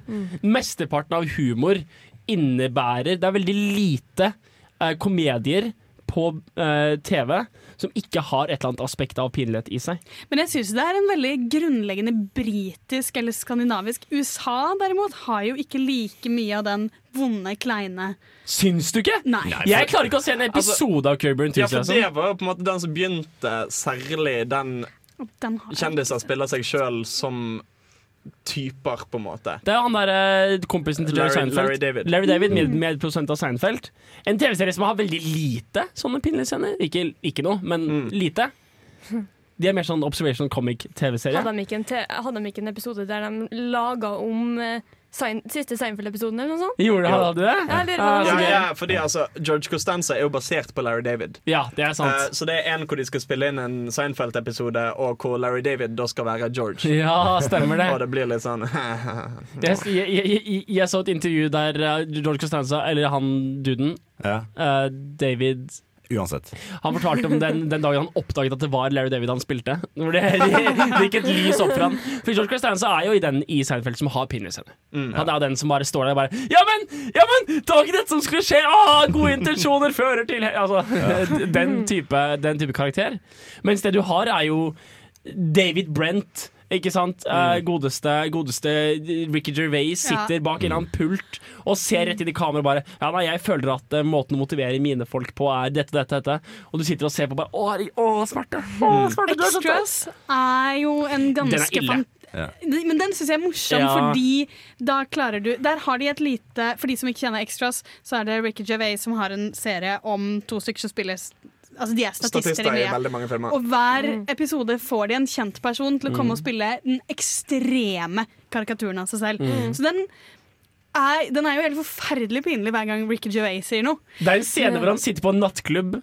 Og en eller annen rockestjerne spiller på piano. om David hvor feit- Bowie. Ja, David David Bowie, ja. Bowie spiller Ja. Fat Ugly Lonely Man eller et eller annet sånt på piano. Mens David Brent sitter der alene, og alle ser på han og bare Men, men, men altså, altså, poenget er at Ricky Gervais er jo ikke en idiot i den serien. I motsetning til The Det er Office. sant. Det er sant. Uh, David Brent er jo en fyr som faktisk vil noe. Uh, og så skjer det ting med han uh, uten at det er hans feil at de skjer. Altså for eksempel Grunnen til at David Bowie sitter og synger den om han, er at det er rett etter karakteren til Ricky Gervais har slått gjennom med en sitcom som han har skrevet Ja, og spiller i. stemmer. Og der hadde han lyst til å lage et genuint bra eh, TV-program. Og så ble det helt ødelagt Og så ble det av, eh, ødelagt av liksom eierne, ja. ja. Så det det endte opp med, var en erkeklisjé dårlig sitcom. Og da skulle han inn på en sånn fancy nattklubb og liksom sitte med de store. Men de vil ikke ha han, for han er sånn jævla bygdehumorfyr. De har en helt forferdelig scene. Det var faktisk den som gjorde at jeg ikke tålte mer. Der hvor han skal si en sånn et eller annet om alle mm, alle verdens mennesker med alle mulige farger, og så sier han da hvite, svarte, gule, og så er det en som snur seg og sier vi er faen ikke gule. Og bare begynner å ta ham Og bare, bare følger etter deg. Og det er så åpenbart at han har sagt noe han ikke står for. I Han har sagt noe, ja, sagt noe ganske rasistisk, og han prøver liksom å roe seg ut av det. Og prøver bare å forklare at 'jeg mente det'. Og det, bare, det er så vondt, for det er på en måte en følelse Man bare kjenner den Og det var ingenting vondt i det men, det. men det er det som er problemet. Du skjønte ikke hva du sa. Der. Det, da skrudde jeg av. Fy fader. Men det er vel noe i dette her at Litt som Hans også snakket om, at Klovn føltes veldig som to episoder satt sammen. At dette er et format som egner seg veldig godt til små doser. Mm. At du ikke blir mett på det. Fordi det, det gjør så vondt at liksom, hvis du sitter og spenner deg i halvannen time, så tror jeg kanskje du blir litt lei. Og det er veldig deilig å si at etter én eller kanskje to episoder at OK, nå holder det. Jesus fucking Christ, jeg orker ikke mer. Og så er det jo Det, det at noe er kleint, er jo ikke en god spenningskurve. Nei. Du kan ikke liksom bare hale mer og mer i det. Og med en gang noe skal ha litt drama og sånn, så kan det jo ikke være kleint. Da må du ha ordentlige følelser. Ja, for det er, det er noe litt surrealistisk i kleinhet. Mm. På den måten at det er en situasjon du skulle ønske du kunne komme deg ut av, og ofte så kommer man seg ut av det ved å tenke at ja, men det er ikke ekte, det er ikke ekte, det er ikke ekte. Og det er kjedelig som en drama, Fordi da mister du ektigheten av, av det de prøver å fremstille. Mm. Hvis du liksom har en eller annen sånn Days of Our Lives-scene hvor liksom en eller annen dude står bare Herregud, hvordan kan det være mitt barn og hans barn?! og, så, og så hopper plutselig han Ruffalo eller hva faen han heter fra The League inn og bare Å, penis, penis, sad, sad, sad, penis, baby. Og så løper, løper han ut igjen. Hvor gøy er det, liksom? Ruffy? Ja, han, han, eh, han som eh, løper rundt og skyter med paintball og roper 'Gata Ja, og han, The ja. League er, og det- R- Ralphie, han er, The League er et eksempel hvor jeg syns TV-serien er kjempebra, og den ene mest pinlige De har noen pinlige greier med hovedkarakterene, men det er en bikarakter som bare er gjennom han, Hans eneste oppgave i serien er å være horribel og ekkel og pinlig. Mm. Og jeg, bare, jeg syns det ødelegger. Så jeg, det, For meg har det blitt et sånn sånn sjangertrekk som mange lener seg på, hvor de kunne gjort ting som er basert på andre former for humor. Det er der Ricky Gervais, eller Extras for eksempel, er jo et godt eksempel fordi de er så De er aldri noe du skal le av. Du, de bruker det kleine til å hente ut noe sånn veldig menneskelig i karakterene. Og det derre liksom, Hvordan det føles når man feiler stort. Men det er jo jeg vil si styrke til The Office også. Mm. Det er jo samme greia. Det er veldig få av de folka Altså Dwight i American Office, han er jo rett frem pinlig. Men mange av dem det er bare situasjoner som oppstår hvor du står bare Å nei, du, det gikk litt galt. Oi, ah. Ah, hvor, det ikke, hvor det er morsomt og pinlig samtidig. Hvis du går inn på nettet og ser på, eh, og ser på eh, Best of eh, Pranks, som hva nå enn heter har pulled på Dwight, så er det liksom Jim. Jim har pulled på Dwight. Det er genuint morsomt helt uten pinlighet. Asian Jim, for eksempel, hvor, hvor han har byttet ut eh, Plutselig kommer Jim på jobb en dag, og så er det en, en uh, asiatamerikaner som sitter bare Hei, Dwight. Sånn, Hvem er du? Nei, det er meg, Jim. Hva, hva snakker du om? Hva faen? Hva, hvem er du? Nei, det er meg, Jim. Og så har de bytta ut portrettbilde av han. Kona kommer og sier hei og kysser ham. Han kan koden til telefonsvareren. Altså. Så Office lener seg ikke bare på pinlig humor. Så de beste sitcomene er ting som lener seg på flere ting. Britisk gjør det i mye større grad. da Hva, hva, hva mener du? Ja, Lener seg på bare pinlige ting? Ja. De har jo love interest som deg også. Will they, won't they? Det har de. Skal vi konkludere med at Ok, Hvorfor er det best, hvorfor er det best på dette formatet? Fordi det er en langsgående greie. Og det kan, også, det kan også ha veldig mange pinlige situasjoner Ja. uh, på forskjellige, delt på forskjellige episoder. Ja, akkurat. og, det er ikke, og det er ikke en type humor som passer seg godt til en dramatisk kurve. Du har også mindre doseringer av det, da, så du har det over flere episoder. Ja, Som det- kanskje varer enten lang eller kort tid. Er det noe så med kan at de bygge opp litt sånn Ja. Eller sånn i en Ja, film kar- så må- Jo, men I en film så må du på en måte si Du må bygge opp veldig fort at vi aksepterer. Ja. Så, Mm. så langt går dere. Men hvis klovn da starter med en litt drøy ting, så kan de på en måte bygge opp toleransen Mm. din for hva dette universet gir lov til, sånn at de kan treffe helt syke grenser. Ja, fordi TV-serier har jo den styrken at du kan bruke lang tid på karakterbygging. Mm. Og jo mer du kjenner karakterene, jo pinligere er det. Og vi har kommet frem til at, eh, til at, eh, til at de beste TV-seriene som bruker pinlighet, bruker også andre ting. Mm. Ja, ok. Ja, så nyttig, altså! Så nyttig! La oss, eh, la, la oss klappe hverandre, klappe hverandre på skuldrene mens vi skal høre på Forever Light med, med Smoke.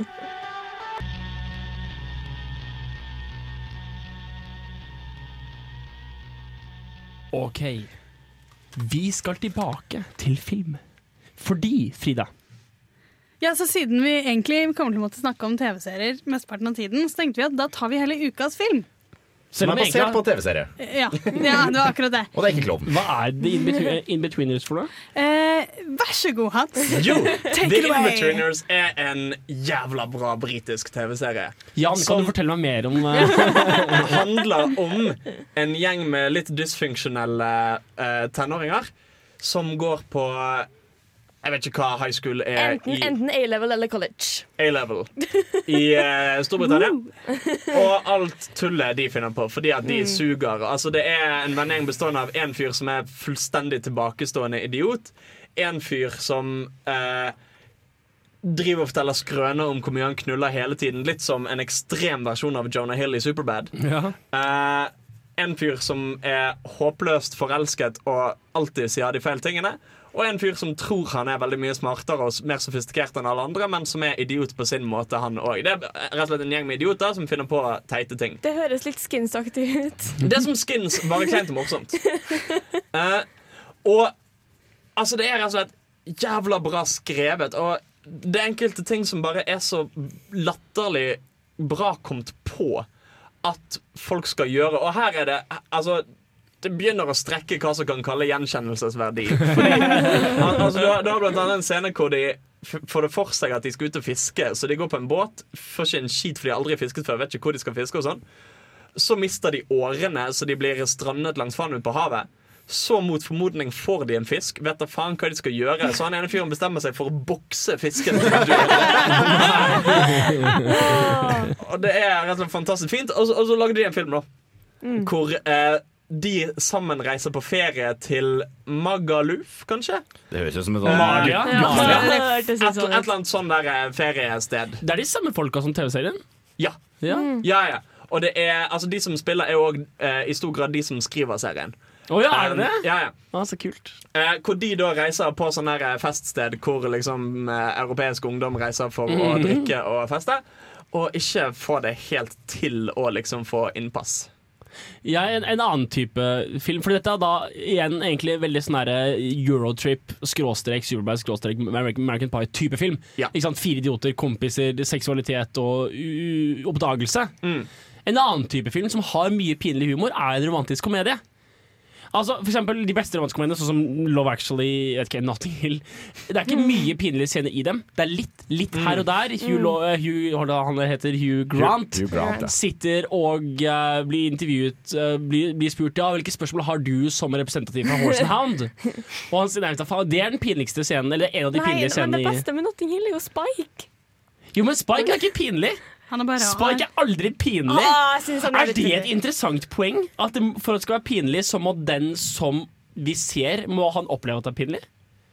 Kommer, kommer, noen, kommer, kommer, kommer noen på en veldig altså, altså David Brent i The Office, da, for eksempel. ja, det er sant. Er Opplever ikke ja, sjøl ja, at sant, han Greit, jeg tar, tar, tar det tilbake. Poenget mitt er at dette er romantiske filmer som ikke lener seg så mye på pinlige scener, men det er en del av dem. Mm. Og så kan det gå litt for langt. Jeg så en film med Simon Pegg uh, her om dagen som heter Man Up fra 2015. En helt ny Mm. film. Det var horribelt! Og det var pinlig i sånn 45 minutter. Og så var det ti minutter med at ok, nå har de endelig tatt seg sammen, nå er vi på vei opp igjen. Men nei, nei, det var ti minutter med avbrekk, og så ble det pinlig igjen. Og den skal jeg se. Dette er litt mer når du tenker på at du bruker pinlighet som en slags krydder da, i filmen, istedenfor liksom som en hovedingrediens. Ja, her var det! Her var Ja, det her, her var det, det var liksom, hvis du skal lage lasagne, så tar du halvkilo salt oppi. Ja, for da er det jo egentlig spørsmålet hans, The Inbetweeners, the Ja. movie. Eh, funk eh, hva, hvordan stiller den seg til vår hypotese fra forrige stikk? som Fungerer den som en film? En, som, en film Den som ikke bruker det som krydder? Veldig fint. som Ja, en men Det er fordi det er en, det er en reisefilm også. Ja. Og det, da får den en dramatisk kurve. Ja, og han får en kurve i det at Altså, den er litt mer sånn alt går ikke nødvendigvis kjipt fordi hele tiden det er visse ting som går fint. Og de har blant annet eh, love interests i eh, da en venninnegjeng som er samme stedet og, og er fra Storbritannia. Som de driver og stalker litt, og som eh, de gjør en del ting med. Og som innimellom fører til flauser, men som av og til går fint òg. Så da har de i denne filmen tonet ned hvor kleint det er hele Ja, tiden. eller, ikke, ikke tonet det. ned, men de, altså, i Det skjer andre ting også. I motsetning, altså Litt av problemet med for eksempel den klovnfilmen er så jo det at det er ikke noe tydelig Det er ikke noe tydelig mål i den. I, altså, I hvert hvert fall ikke et mål som, ta, som interesserer deg. Sant? Det var sikkert egentlig et plott. egentlig Mens i Inbetweener-movie så er jo på en måte det disse guttene vil, er jo å eh, liksom bli Ligge. akseptert som kule mennesker og ligge med de jentene. Mm. Uh, og da på en måte følger det hva de gjør for å oppnå de målene. Og da blir det mye mer dramaturgisk uh, tyngde i det. Så jeg, Inbetweeners gjør seg veldig bra på film. Jeg så, Eh. film, jeg, jeg så, så, så, så film som heter Swingers. Fra, nå er det 1997. John yeah. Farrow sin første, eller første storfilm. Med Og det også var han godeste Vince Vaughn. Vince en Vaughn, ja. veldig ung og tynn Vince Vaughn og en veldig ung og tynn John Favreau. Og det er noen veldig morsomme scener i den, og så er det noen veldig pinlige scener i den. Og det er også en film som fungerer eh, komedisk, og som jeg klarer å se på tross av det er en del pinlige scener, bare fordi det er gjort så bra! Mm. Så det kan være at mitt problem er ikke nødvendigvis pinlige scener, men det er dårlige. Nei, det stemmer ikke! Parks and Rec. Curb Your Enthusiasm, Arrested Development. Dette er kjempebra laget komedie som hviler på pinlige scener. og Jeg klarer ikke å se på det. Nei, nei, Men nei. Jeg Ja. har med et klipp fra Inbetweeners Åh! movie. Oh, jeg som var var jeg som var på vei inn i sang. Låt. Er ikke bra at jeg stoppet deg. Så hva, hva var dette for noe, Hans? Altså Det er da eh, Simon og Will som eh, Altså Simon har brukt alle pengene han hadde med seg, og for å kunne ligge med hun han har lyst til å ligge med, så skal han kjøpe seg billett til en sånn båtcruise, eh, partybåt-type greie. Og da bestemmer han seg for at han skal selge alle klærne sine. All right, mate. What's this, the world's shittest boot fair? nah, just selling my clothes for money. I need money desperately. All right. Well, as luck would have it, I've got a mate who's had his apartment broken into. Fucker's nicked all his clothes. I reckon he'll be interested. I'll call him. That'd be amazing. Thanks so much. No problem, mate. All part of the service, yeah? See? All right, mate. Yeah, yeah. Got some clothes. Yeah. Uh, got some girls' t-shirts. These are girls, right? No. Hoodies like your mum would buy you. Sort of jeans Jeremy Clarkson wears. Oh, yeah, yeah. It's all shit, yeah. Hold on. He says he'll give you 100 euros for the lot. Amazing. Totally. Cool. Coolio. Oh my god, oh my god, oh my god, oh my god. Thanks so much, man. Including what you're wearing now. Really? Yeah, yeah, that's the deal. Oh, obviously he's not going to take his clothes off. Oh, nice one. Oh, he's gonna need your pants too. What, these? Fucking thieves stole everything. Give me your pants, I'll be back before you know it with your 100 euros. Sorry, this has gone too far. Simon, do not take your pants off. Stop always telling me what to do, Will. I'm an adult. James has done me a favour. What are you doing, eh?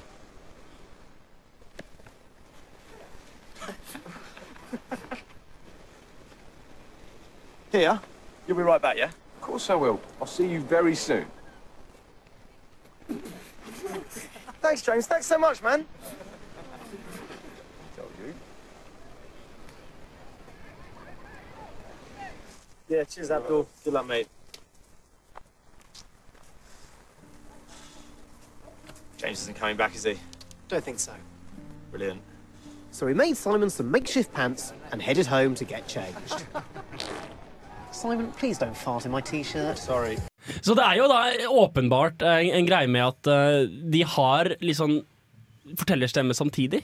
Mm. Og, og, og, og det er en slags sånn hyggelig 'nå er vi på tur'-greie samtidig som det er pinlig. Ja. Så du er ikke bare se på det utenfra, så, så mange pinlige filmer. Men det er også sånn at vi følger med dem og er en Mm. del av gjengen deres. Det er jo Ja, og, og du sympatiserer med dem selv om de er fullstendig idioter. Og du har noen litt sånn såre øyeblikk hvor du på en måte skjønner litt sånn Oi, det var et menneske bak alt det idiotiet. Vi skal ta og høre på låt. Det er Fidlar med drone. Ja vel. Så hva er det som egentlig er så ille med pinlige scener og pute-TV og flaue ting? Hva er det som er så ille med det? Hvorfor er du elsket av noen, og hvorfor er du så hatet av noen? For hvorfor, i, hvorfor tåler du det, Hans, når vi andre her Hva er galt med deg? Altså, det, er jo, det er jo det samme som med skrekkfilm, Ja. føler jeg. Det at du kan, du kan kjenne på det ubehagelige i trygge omgivelser. Og så forsvinner det etter 30 ja, altså, Du kan kjenne på hvordan er det hvordan ville det vært å gjøre disse idiotiske tingene uten at du faktisk har gjort det? Uten at disse konsekvensene rammer deg? Ja, men jeg liker også å drepe simmene mine. Det er ikke det at jeg ikke liker å utforske ting. Men det bare, det bare gjør for vondt mens det skjer. Altså, det er, det er styrken ved det, sier du, Hans, er det at de klarer å skape en følelse i deg. Jeg tenker jo at en eventuell verdi av det ville være at det trykket du kjenner, den på en måte den, Tilbakeholdte den, tankene. ja, nei, nei, for min del, den panikken jeg føler når jeg ser på de pinlige scenene, Mm. når den letter, så er det litt digg. Mm. Forstår du? Så det er det samme som å få nytelse ved å gjøre seg selv smerte, og så ta den vekk. At, det, at vekttagelsen har ikke noe verdi hvis det ikke har vært vondt først. At det kan være en glede ved det. Ikke sant? Litt sånn som når du kommer inn. Det gikk jo bra, ikke sant? Altså, du har på, hvis du har hytta og skal på skitur, og så blir det snøstorm, så kommer du inn, og det er som du er våt til Ja, beinet. ja. Så får du dusja og satt deg ned med kakao, og så er alt kjempebra igjen. Problemet jeg har med pute-TV, er at det, det forsvinner ikke etter meg. Det sitter igjen i hele episoden, og jeg får det aldri av. Det sitter igjen hele tida. Jeg får det ikke til å få det bort. Du sitter i fosterstilling i Ja, dusjen men, etterpå. ja, men det, liksom. det, er så, det, det er samme hvis noen skremmer meg, så er jeg livredd i en halvtime, time etterpå. Jo, men det er jo det, er jo det som skiller mye pute-TV fra andre ting. Altså Der i en vanlig dramafilm eller i en romantisk komedie, så er det å, han sa noe dumt til hun, og la meg lure på om dette kommer til å gå bra. Og så går det alltid bra, alt løser seg, og det blir fint. Det skjer ikke i pute-TV. Du får ikke den der 'Å, men det var bare en misforståelse'. For det var Ja, det er sant. Altså. Så. Ja, du får- du er en form for horror. For å nevne også en serie vi ikke har snakket om, uh, Helt perfekt. Ja. Der er jo på en måte Der ender jo som regel hver episode i det pinlige klimakset. Liksom, alt samler seg, og så liksom sånn og så bare kulminerer det i et sånn kjempepinlig øyeblikk. Alle ser på hverandre, og så slutter episoden. For det er liksom, da, da kommer vi til den avsløringen vi ventet på hele episoden. Det er ferdig, og så rulletekst. Et- Altså, det, må, det er jo, som vi snakket om tidligere, det at det er veldig mannedominert, i hvert fall. Altså, jeg tror jo- det er grunnen Hva mener du? at du, du har veldig mye sånn her humor. Det er ingen av seriene Hva med Bridesmaids? ja, Den er faktisk helt jævlig. Så den Hjerte har jeg til ikke hjerte? tålt. Ikke sett. Linn Skåber sin Helt perfekt. Åh, sant det. Hun Hva med Inside Amy Schumer? Har jeg heller ikke sett. For jeg, jeg har tydeligvis ikke vent litt, vent litt, men nå har jeg, jo ikke jeg tåler det jo ikke, men nå har jeg kanskje gått litt i meg selv. Indestructible Kimmy Schmidt. Nå skulle jeg si noe her. Kanskje jeg nå må gå litt i meg selv og gå og se på de seriene hvor jeg da har muligheten til å finne eh, noe jeg kan kjenne meg igjen i, i stedet Mm. for å på en måte gå ut ifra klovn, som er mye mer penis rundt i ansiktet på et barn. Jeg føler at, at et veldig gjennomgående tema er seksualitet, og i forhold til seksualitet så er det klassiske er at mannen er um, det måte, maktesløse ledd. Og da er det naturligvis du skal snakke om pinlig. Da er det naturlig at du snakker om det maktesløse leddet. Da er det naturlig at det blir mye om menn. La, eh, nei, det er vel fordi alle føler seg maktesløse når det kommer til sex. Mm. Så på en måte, hvis det bare er menn som skriver, så er de sånn ho-ho, det er ekstra ille å være mann. Men du, du kan fint ta det fra alle sider, altså. Ærlig talt. Så oppsummerende. Oppsummerende, det er, eh, det er deilig å se på noe du slipper å oppleve på egen hånd. det er en interessant også greie. Ja. Herregud, så teite de er, og herregud, så trygt vi har det her. Jeg har Ja. pilleting i hele dag. Og det er jo også, også litt sånn eh, Det jeg liker også som eh, i Inbetweeners, hvor det ble nevnt at folk er helt idioter. Så uh, It's Always Sun in Philadelphia, hvor folk er helt ubrukelige. De er de verste menneskene. De er fire verste er menneskene på jorda. Men det er vel litt at du slipper den, fordi du føler at de fortjener det. Vi har funnet en filmlåt. Hvem har den? Det- Sounds Vi har den alle sammen Okay. fra- Ja. Jeg syns det er en kul film, en kul låt. eh, Simon Garfunkel, The Sound of Silence. Og det er litt gimmick på ukas tema, fordi det er litt sånn den stillheten du har etter å ha sagt noe pinlig. den er brukt helt fantastisk i Arrested Development. Hvordan da? I fjerde sesong Stemmer. så er det hver gang eh, godeste Job. Job Hva er det han føler litt sterkt? Så bare kjø durer de på med den her. Det er vel egentlig det. Hello, darkness, my old friend. Det er alt annet enn stille her på Radio Revolt, fordi du hører på Filmofil. Og nå har sendingen nådd eh, sin slutt. Så snart skal det bli stille. Med mindre du blir på kanalen, selvfølgelig. I hvilket tilfelle det ikke kommer til å bli stille, fordi du fortsatt hører på Radio Revolt. Det er mulighet til å komme tilbake neste uke. Da snakker vi om Guillermo del Toro. Fordi Jeg har lyst til å prøve å si det en gang til, Henrik. Guillermo del Toro! Takk. Ja, men du må, du må gestikulere. Det er det som er nøkkelen. Uh, vi skal ha i ukes selvmekse her Kronos fra 1993. Hans debutfilm som vant en Saturn Award og litt diverse greier. Virker veldig kult. Eh, Dette var ikke informasjon vi nettopp fikk fra Wikipedia. Smooth, takk. Uh, fordi det er også en ny Guillermo del Toro-film som kommer på uh, mandag. Tirsdag premierer på fredag. Det har vært Filmofil. Mitt navn er Henrik Illen Ringel. Jeg har hatt med Hans meg Jan Markus Johansen. Trine Mogård. Og Frida Hempel. Ha det bra.